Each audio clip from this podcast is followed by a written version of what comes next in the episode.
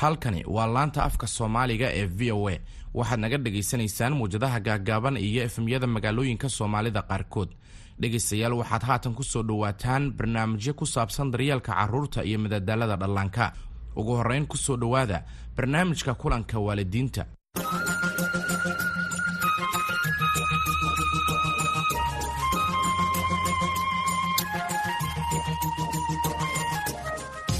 kulanti wacan oo wanaagsan. Mar kale ee barnaamijkeena xiisaha leh ee kulanka waalidiinta arbacyo axad walba waxaan dhegaysta idin diyaarina khabiiro idin siiya xirfadaha aad ku wanaajini kartaan waalidnimada iyo sidoo kale madal aad ku wada wadaagi kartaan fikrada idinka waalid ahaan idin anfaca ku soo dhawaada barnaamijkeenna maanta oo aan ku faaqidi doonno mas'uuliyadda waalidnimo.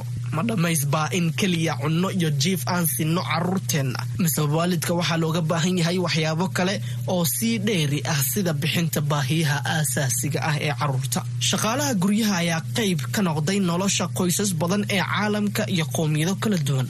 Maadaama ay jiraan iskoollo iyo shaqo carruurteenna ayaa heli karaa waxbarasho xirfado cusub cunto madadaalo iyo sidoo kale la seexin karaa waalidiinta oo aan gacan ka geysan balse haddii ay suuragal tahay taasi ma habboon tahay in la sameeyo. Miyay waalidiintu noqdeen cajislayaal maxaa dheeri ah oo ay samayni karaan waalidiinta si ay qayb uga noqdaan nolosha carruurtooda? Sidee loo maarayn karaa oo layskugu dhelitiri karaa waalidnimada shaqada iyo howlaha kale ee maalmeed maadaama hadda ay iskoolada xiran yihiin oo lakala fofogaaday caabuqa korona dartii siday wax uga bedeleen arrimahani waalidnimada. Haddii aad qaadatay xilal mise door dheeri ah oo waalidnimo bilooyinka la soo dhaafay waxaan rabnaa inaan maqalno. Miyay ku soo dhoweysay carruurtaada mise way kaasii fogaysay oo dooda fara badan ayaa ka sii dhasheen? Magacaygu waa farxaan cali mukhtaar barnaamijkeena maanta waxaan la fadhiisani doonaa saamiya salaan nuur oo ah qoraa wax ka qortay waalidnimada waxayna la wadaagi doontaa arrimo dhowr ah oo ay ku qortay buugeeda waalid kaab.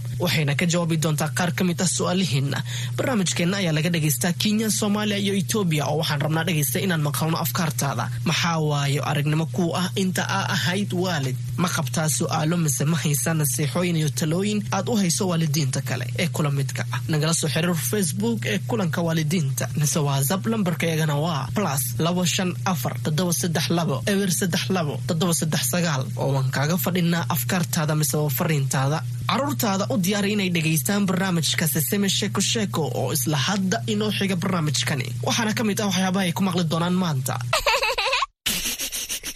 Haye adiguna markaaga ho elmo. Inta aanan la fadhiisanin saamiya salaam nuur. Waxaan la hadalnay qaar ka mid ah waalidiinta oo aan weydiinay shaqooyinka ay iyaga markaasi u igmadaan shaqaalaha guryaha waana kuwan jawaabahooda. Guriga shaqadiisa aad iyo aad ayay u badan tahay. Shaqaalaha waa adiga sidaa ka dhigatid. Haddii aad shaqaalaha aad daryeelin ilaahay kuma darnaadee shaqaalahaas cunugaada u dhiibatay wuu kaa dilayaa daryeel facan ma siinaayo. Shaqaalahan waxaad u keensatay inuu guriga ku kula ilmihii. Gurigana waa wux uu qabanayo ma lahan. Laakiin haddii aad tusisid shaqaalaha dhiirnaan habbi farxad aad ka dhigatid cunugaada gabadhaada ama wiilkaada camal aad ka dhigatid waxaa hubaa leh shaqaalahaas inuu gurigaada uu ku kula habeenayo uuna ku qiyaameynin wallaahi shaqaalada way fiican tahay. Waxaawaye qof oo garabkaada joogo oo shaqada kula qabana oo ilmahaada ku qabeyna oo dharka ku dhaqa oo shaqaalo la'aanna lama joogi karo. Waa keligaada wax idilkama qaban kartid waad ku mahadsantahay saamiya salaan nuur ka soo qaybgalkaga barnaamijkeena maanta. Dabcan si kooban uga falceliyo codadkaasi waalidiintaasi shaqooyinkaasi gedigood ma ku haboon yihiin in loo igmado shaqaalooyin. Waa mahadsan tahay farxaan horta shaqaalaha markii la yiraahdo xelalka loo dhiibayo haddii qofkani uu yahay waalid guriga ka maqan oo uu qofkan u keensado inuu ilmo u haayo dabcan shaqooyin badan waa ku soo aadahayaan qofkaas oo qeyb badan oo ka mid a sida inuu xanaaneyntaas laakiin in mas'uuliyadii guud ee ilmaha barbaarintooda nooc walba lagu sii daayo ama korka laga saaro qof islaamada ilmaha dhalin arintaasi maahan arrin wanaagsan waana arrin waalidkii kaalintoodii muuqanaysa inay gabahayaan buugaaga fadlan waxaad inaga siisaa sharaxaad yaroo kooban. Buuggaan qoray waxaa la yirahdaa waalid kaab oo macnaheedu tahay waalid caawiye. Buugga wuxuu ka kooban yahay cutubyo adugu ilaa labaatan iyo dhowr gaarahaya. Wuxuu ka hadlahayaa barbaarinta wuxuuna ka kooban yahay qeybo sida in ilmihii loo barbaariyo maskax ahaan iyo dareen ahaan loo barbaarinayo. Waxaana emotional dhahaan in ingiriiska lagu yiraahdo in ilmihii dhaqan ahaan iyo bulsho ahaan loo barbaarinayo afkoodii la barahayo. Sida ilmaha qurbaha joogo kalete halkaas ku dabaqmaysaa sidoo kalete ilmihii in diintii diintii lagu barbaaray. Markaan leeyahay waxaan ka wadaa inta badan soomaalideena diinta waanu nahay muslim boqolkiiba boqol laakiin waxaa moodaa diinta jecelaysiinteeda iyo barbaarinteeda. Inaan macalimiinta iyo u dayno sheekhayaasha bis. Marka qeybahaas ka kooban yahay halka nairobi wuu yaalaa insha allah soomaaliyana waan u dirayaa. Iyo meel walba laga soo dalbado mardhow. Waa kuwee waajibaadka waalidiinta ay marnaba la igman karin shaqaale miseba qof kale. Markii waalidku joogo guriga cuntadayoo kaleeto inuu siiyo cunuga inuu la seexdoo kale uu isagu u noqdo waalidka jiifinayay ilmaha yaryarkaa dhashoo kaleeto inuu asaga loo daayo qofkan lagu aamino inuu isa u qubeeyo kale. Waayo markaas kale waa ilmaha yarka mara u baahan yihiin naxariis iyo fiirin gaara oo yaryar yihiin.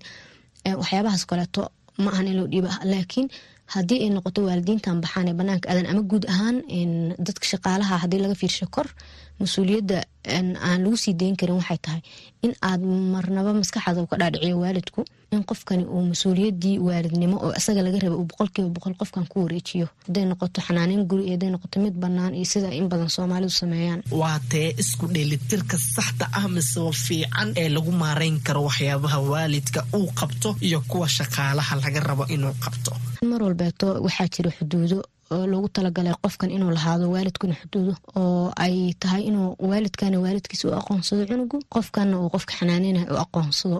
Maahan inuu booskii waalidka uu qofkani qaato. Kolkaay iskoolada furan yihiin miseba ay jiraan carruurta ayaa inta badan wakhtigooda la jira macalimiinta miseba barayaasha ma jiraa door kale ay markaasi waalidiinta ka ciyaari karaan waxbarashada carruurta.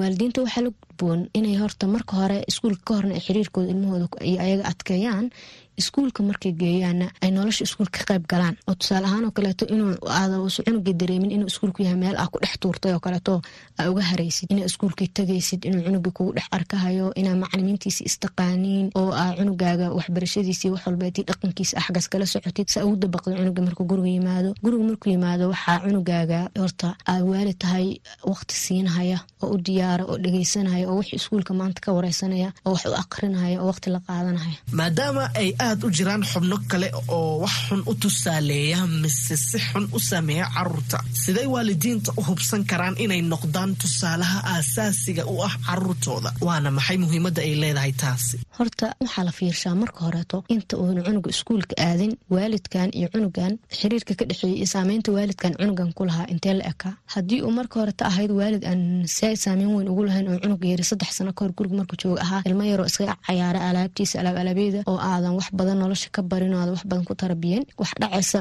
markii aa iskuulka aado in ay ayagii saameyn weyn ku yeeshaan. Sidoo kaleeto ayadana waxaa jirta oo lagu baraarugsanayn iskuulka dhexdiisa isagana waxaa saameynhaya ciyaalka kufacaha waalidiintu isugu dheelitiri karaan howlahooda shaqa iyo waalidnimada. Waalidka shaqeeya horta waa arrin aad u adag oo caqabad baa iska haysata inta badan oo qofkani aad buu u mashquulsan yahay. Haddana ilmihiisina mas'uuliyadeedu waa laga rabaa. Marka anigu waxaan kula talin lahaa qofkaasoo kaleeto haddii horta lamaano ay iscaawiyaan oo uu qofba markiisa ka soo baxay inuu ilmaha waqtigiisiiyo iyo inuu qofkan kaleeto intuu maqan yahay uu booska u buuxiyo way wanaagsan tahay. Mida kaleeto qofku waa inuu ahaadaa maadaama ay shaqaysid qof jadwalle oo ku socdo jadwal oo shaqooyinkaaga muhiimka markaa leedahay. Cunugaaga markii uu kaa raba in iskuulkiisa booqato cunugaaga markaa rabti inaad dalxiis u wadid cunugaaga markaa rabti inaad maalin la qaadatid in qof u kala jadwalaysan tahay aad tahay. Sidoo kaleeto inaad aadan shaqada aadan siinin muhiimada koowaad oo cunuga muhiimada koowaad ka dhigtid iyo inaad baratid ee xirfadaha lagu maareeyo waqtiga oo sida shaqada. Sidoo kaleeto waxaa ayadana kaa caawin karta dadka u shaqaysid inaa kala tashatid oo ogeysid inaa ilmo leedahay oo ilmahaaga ay waqtigaaga u baahan yihiin. Taasoo kuu fududayn karaysa inaad ilmahaaga u soo heshid waqti oo aadan afar labaatankii saacba aada shaqaynin ma jiraan talooyin aad siini lahayd waalidiinta ay ku adag tahay isu dheelitirkaasi siiba hadda maadaama caabuqa korona uu jiro iskooladina ay xiran yihiin. Talada ugu wanaagsan u diraya waxay tahay cunugaaga galgacaylkaaga xanaaneyntaada waqtisiintaada waxuu uga baahi badan yahay ama uga qiimo badan ma jirto.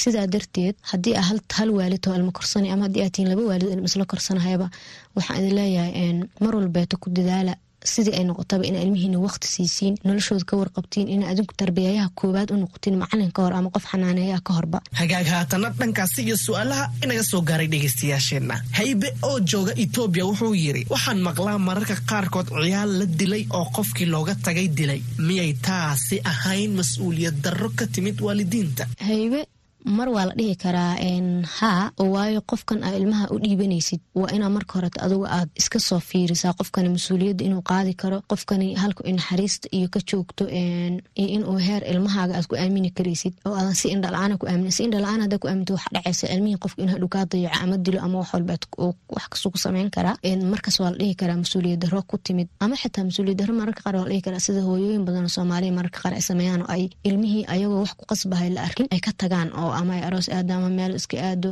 oo ay qof uga tagto aan si saaid uga sii fikrin marka kalena waa la dhihi karaa saaid dembiga waalidka uma laha oo waayo waxaa laga yaabaa inay dani ku qasbaysa ama inay shaqo aadan ama ka tagaan.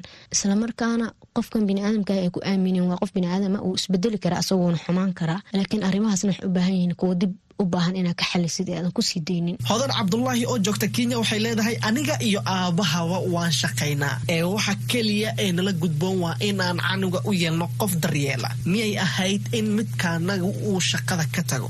Horta hodan maxaa ama dhihi karo ka taga shaqada. Oo waayo dee dadka shaqada duruufo kala duwane nololeed oo ayagu u gaarabaa ku qasba. Marka adiga duruuf kastoo idinku qasbaysa adinka ayaa og. Laakiin anigu waxaan dhihi lahaa haddii aysan jirin duruuf kugu qasbaysa oo boqolkiiba boqol aada ilmahaaga uga tegaysid way wanaagsan tahay midkiin inuu shaqada ka joogo ilmihiis oo xanaanaysto? Maxamuud xasan oo jooga soomaaliya wuxuu leeyahay haddiiba ay danta igu qasabtay in qof aan carruurta uga tago ee markaasi ii xanaaneeya. Maxaa ila gudboon oo aan samayn karaa? Ka hor inta aan qofka isaga aanu shaqo qorin ee aan u bilaabin. Soomaaliya haddaan ku dabaqno way kala duwantaha wadamadan kaleo dadka anigu diinta ahayn ay joogaan. Laakiin soomaaliya marka lagu dabaqo ayada laftirkeeda way noqonaysaa. Qofkan horta aa ilmaha u dhiibanaysid fasti marka horeysa waxaa la rabaa inaad ka fiirisid dhaqankiisa diin ahaaneed heerka uu joogo waayo ilmahaaga wuxuu noqonaya qofkan tusaale ama macalin u noqonaya noloshiisa kamida waayo asaga kula xanaaneynaya waxaa loo baahan yaho kale ayadan inaad ka fiiriso qofkan heerkiisa naxariiseed iyo ilmo barbaarin ahaaneed heerku ka joogo. Mas'uuliyadaas hadhowta uga soo bixi karo. Waxaad ka fiirin karaysaa dee dadkan qaar meelahan kala jooga waa loo tababartaaba. In ilmaha la haayo dad u tababartaa jira. Ma garanaya hadeerta inay soomaaliya ka jirto. Marka qof aduu ugu soo dhowo ugu xirfad fiican inuu ilmo xanaaneyn karo oo booskaas aad ku aamini kartid inaad fiiriso raasatid dhegeystahaani waxa uu leeyahay waxaan joogaa jabuuti wuxuu weydiinayaa soomaalida weliba kuwa ku nool magaalooyinka waaweyn waxaa jirta in ay markaasi xilkooda waalidnimo ay u dhiibtaan qof shaqaale ah. Miyay tani ahayn wax nagu cusub oo aan wanaagsanayn horta wax walbaa nagu cusub lama dhihi karo waa waxaan wanaagsanayn oo noloshu way isbabedelaysaa marba wax cusuba ku soo kordha. Teeda kale in ilmo loo dhiibto qof xanaaneeyo ah dal iyo dibadba maahan mid soomaalida ku cusub. Arintaas lama dhihi karo boqolkiiba boqol waa arrin qalada. Waad mahadsantahay saamiya salaan nuur waxaa aad u qurux badan dhegaysta carruurta oo aad wax u akhrisid u sheekaysid marar badan in badanna la joogtid oo wakhti la qaadatid waa kee xilka mise doorka waalidnimo ee aad weligaa seegi karin dhegaysta jeclaan lahaa inaan maqlo halkaasi ayaan ku soo afmeerayaa maanta barnaamijkeenna intaanan hawada ka bixin waatan eedo ebyan iyo xikmadeeda. Soomaalidu waxay tidhaahdaa meelaad madax ka tahay mija lagama noqdo. Tani waxay ka dhigan tahay xil aad adigu leedahay qof kale dusha ha ka saarin oo ha ku daynin. Xilka korinta ubadka waxaa iska leh labada waalid ee cunuga dhalay. Haddii aabbaha ama hooyadu uu midkood xilka uu u dhiibto qof kale cunuga wuxa uu waayayaa xidhiidhkii dhowaa ee uu ka heli lahaa aabbaha ama hooyada. Yaysan dhicin in xilkii waalidnimo qof kale oo aan lahayn loo dhiibo gedigan waad ku mahadsan tihiin la jaanqaadkiina iyo su'aalihiinaba barnaamijkani kulanka waalidiinta qaybta xigta ee axaddani ayaan kaga hadli doonnaa isdhexgalka qowmiyadaha iyo kala duwanaanshaha bulshada. Ka dhex jira iyo sida ay waajib inoogu tahay inaan waalid ahaan barno carruurteenna muhiimadda wadajirka iyo dulqaadka. Haddii aad ku dhex nooshahay daris kala dhaqan duwan mise dad kala diimo ah iyo ka kala socda miseba ka kala soo jeeda asallo kala duwan noloshooda waxaan rabnaa inaan maqalno. Sidoo kale haddii ay kugu adag tahay miseba aad la daalaadhacaysid ku dhex noolaanshaha bulsho kala duwan nala soo wadaag afkaartaada iyo su'aalahaagaba si ay khuburadeenna kaga jawaabaan. Fadlan nagala soo xiriir waasab lambarka iyaguna waa plus laba shan afar toddoba saddex labo eber saddex labo toddoba saddex sagaal. Sidoo kale booqo boogeena facebook ee kulanka waalidiinta oo halkaasi inoogu reeb afkaartaada miseba fariintaada. Macsalaam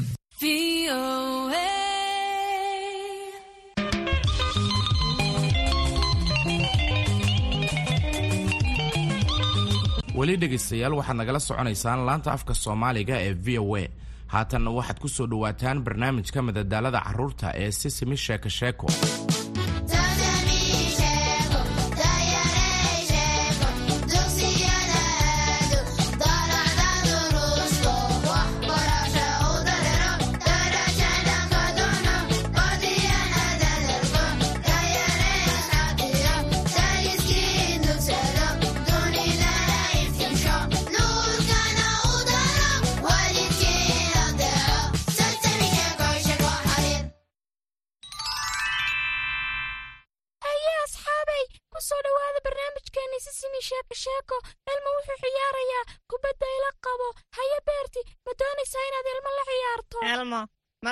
akhriska wargeeska dhammeeya ayaan kula ciyaarayaa waayo wargeeska waxaan ka soo qaaday beko oo waa inaan ugu celiyaa sida ugu dhaqsiyaha badan. Haye beert balse intaad akhriska yara joojisatid. Fiiri sida elmo u tuurayo kubadda.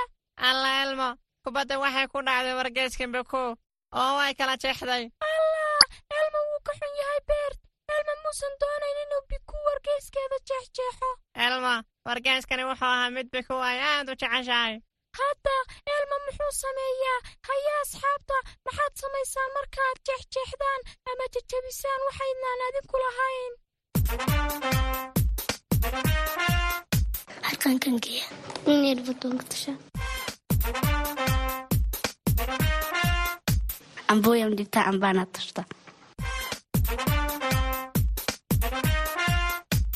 Buuga koolaa ku dhuje maradan waa soo tustaa hooyaa u dhiibtaa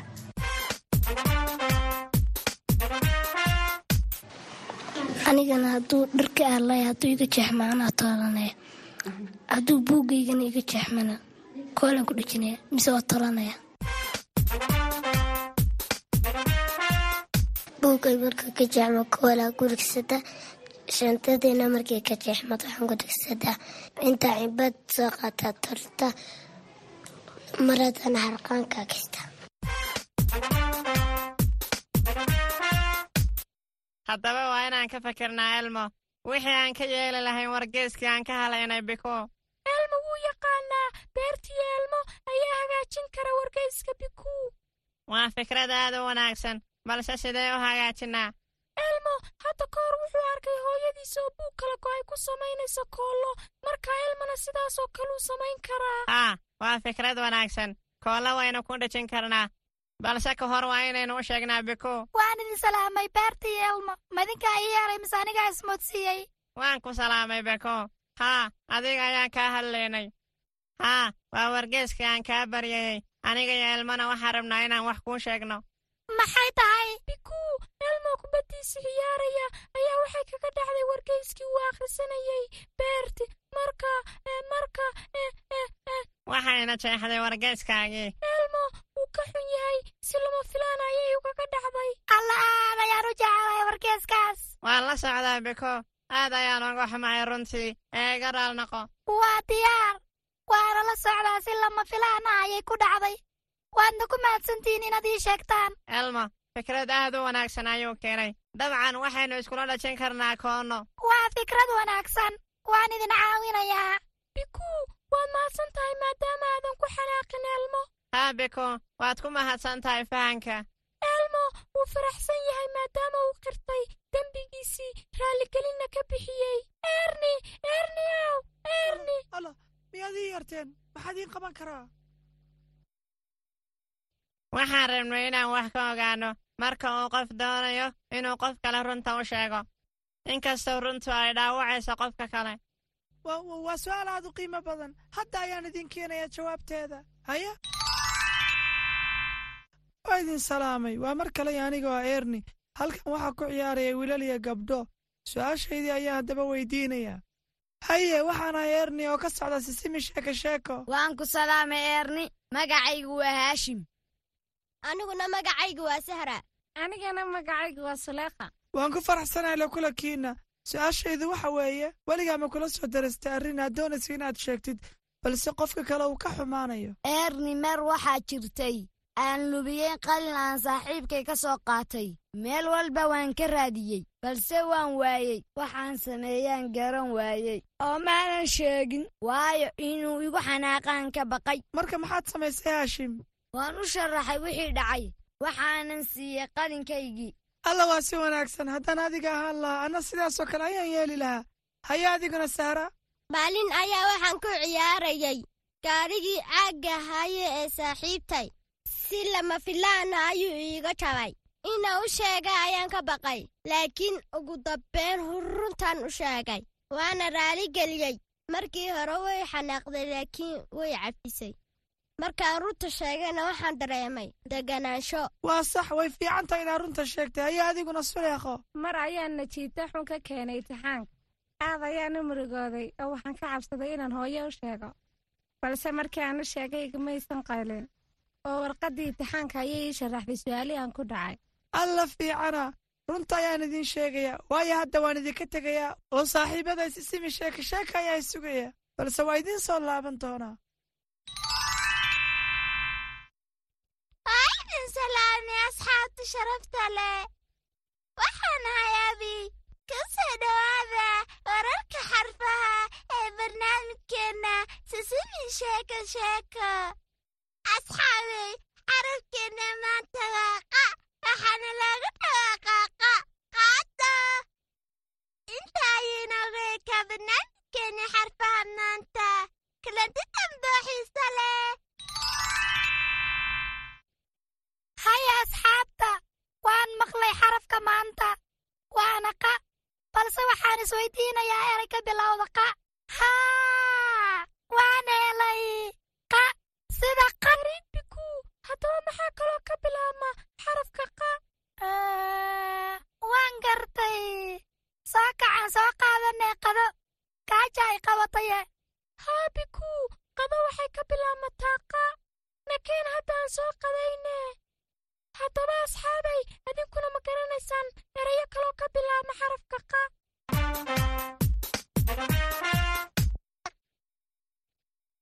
idin salaamay carruuray waxaan ahay ilmo hooyadiis maanta waxaan idinku luuqayn doonaa hees aad u macaan. Heestana waxay ka hadlaysaa khaladaadka iyo casharada laga barto. Waxaan rajaynayaa inaad ka heli doontaan. Marka aan khaldanno ama aan wax qasno waa inaan raalligelin bixinno oo aan wax ku qaadanno khaladka. Dadkoo dhan way khaldamaan dadkoo dhan way khaldamaan waa inaan qiranaa khaladkeenna oo aan raalligelin bixinnaa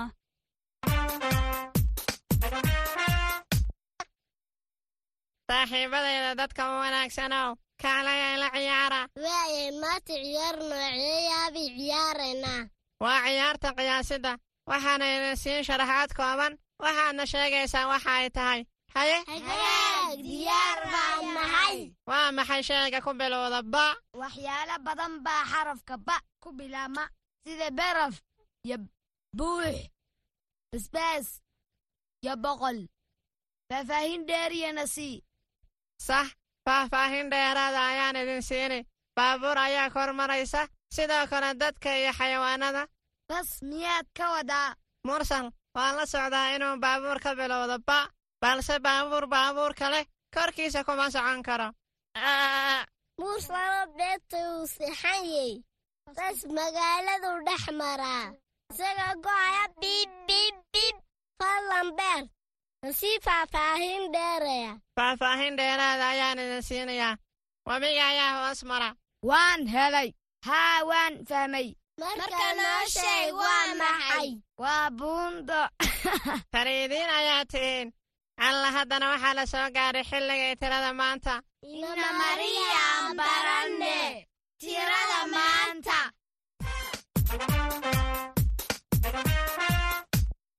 Aydin oo idin wada tirada maanta. Hadda waxaan tirinaa. Inta jeer aan dhawaa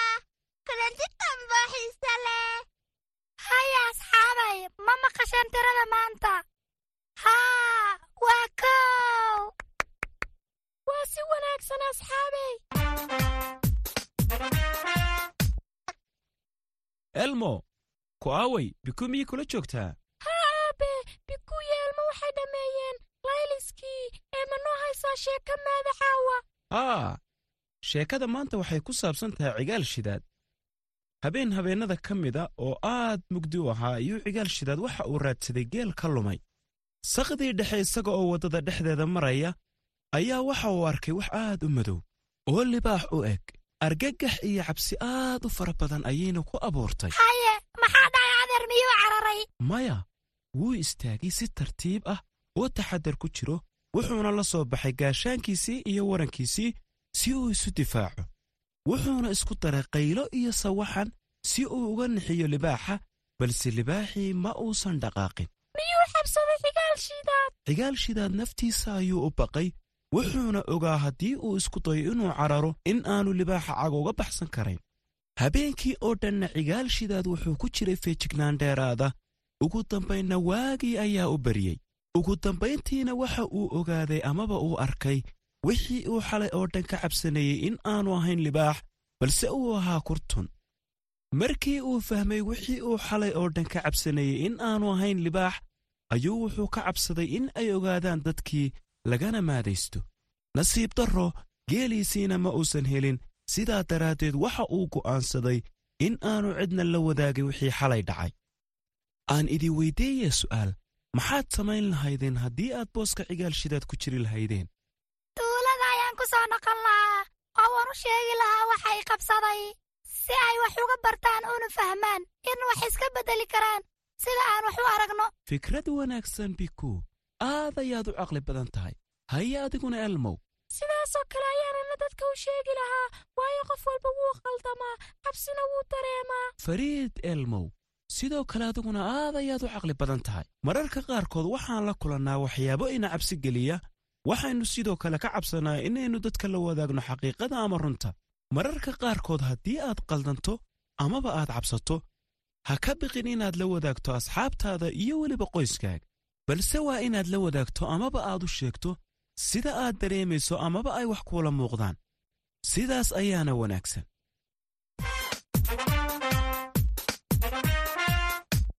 Marka aan khaldanno ama aan wax qasno waa inaan raagagelin bixinaa oo aan wax ku qaadano qaladka.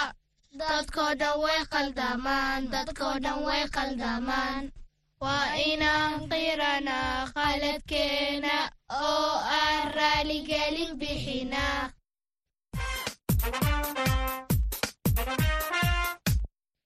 haye asxaabay maanta elmo wuxuu bartay in in runta la sheegaa ay aad u wanaagsan tahay. Haa bikuuna waxay baratay inay muhiim tahay in dembiga adkaysato in la qirto. Waxaan sidoo kale baranay xarafka maanta oo ahaa qa sida qaado haddaba asxaabay ma xasuusataan tiradii maanta ee ay inoo soo bandhigtay abi waad ku mahadsantihiin oo nagala qayb qaadateen barnaamijka sisimi sheeko sheeko. La soco qaybta xigta iyo sisimi sheeko sheeko.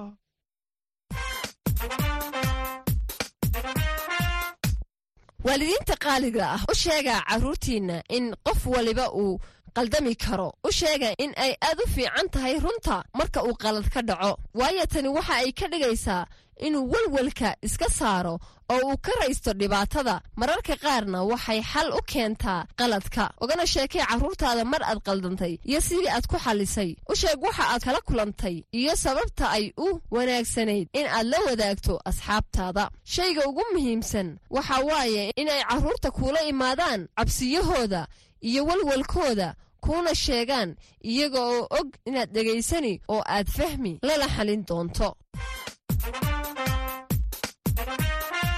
Carruurta sharafta leh goormaad runta sheegtay xataa haddii ay aad kuugu adkayd. Weyddiiso waalidka inay kaa caawiyaan inaad watsapka farriin noogu soo dirto noona soo sheeg jawaabta su'aasha. Sidoo kale waxaad nagala wadaagi kartaa fikradahaaga iyo soo jeedintaada isla nambarkaasi. Ha ilaawina inaad ka dhegaysataan sesami sheeko sheeko. Waxaad ka dhegaysan kartaan kenya star f m etoobiya radio fana soomaaliya star f m.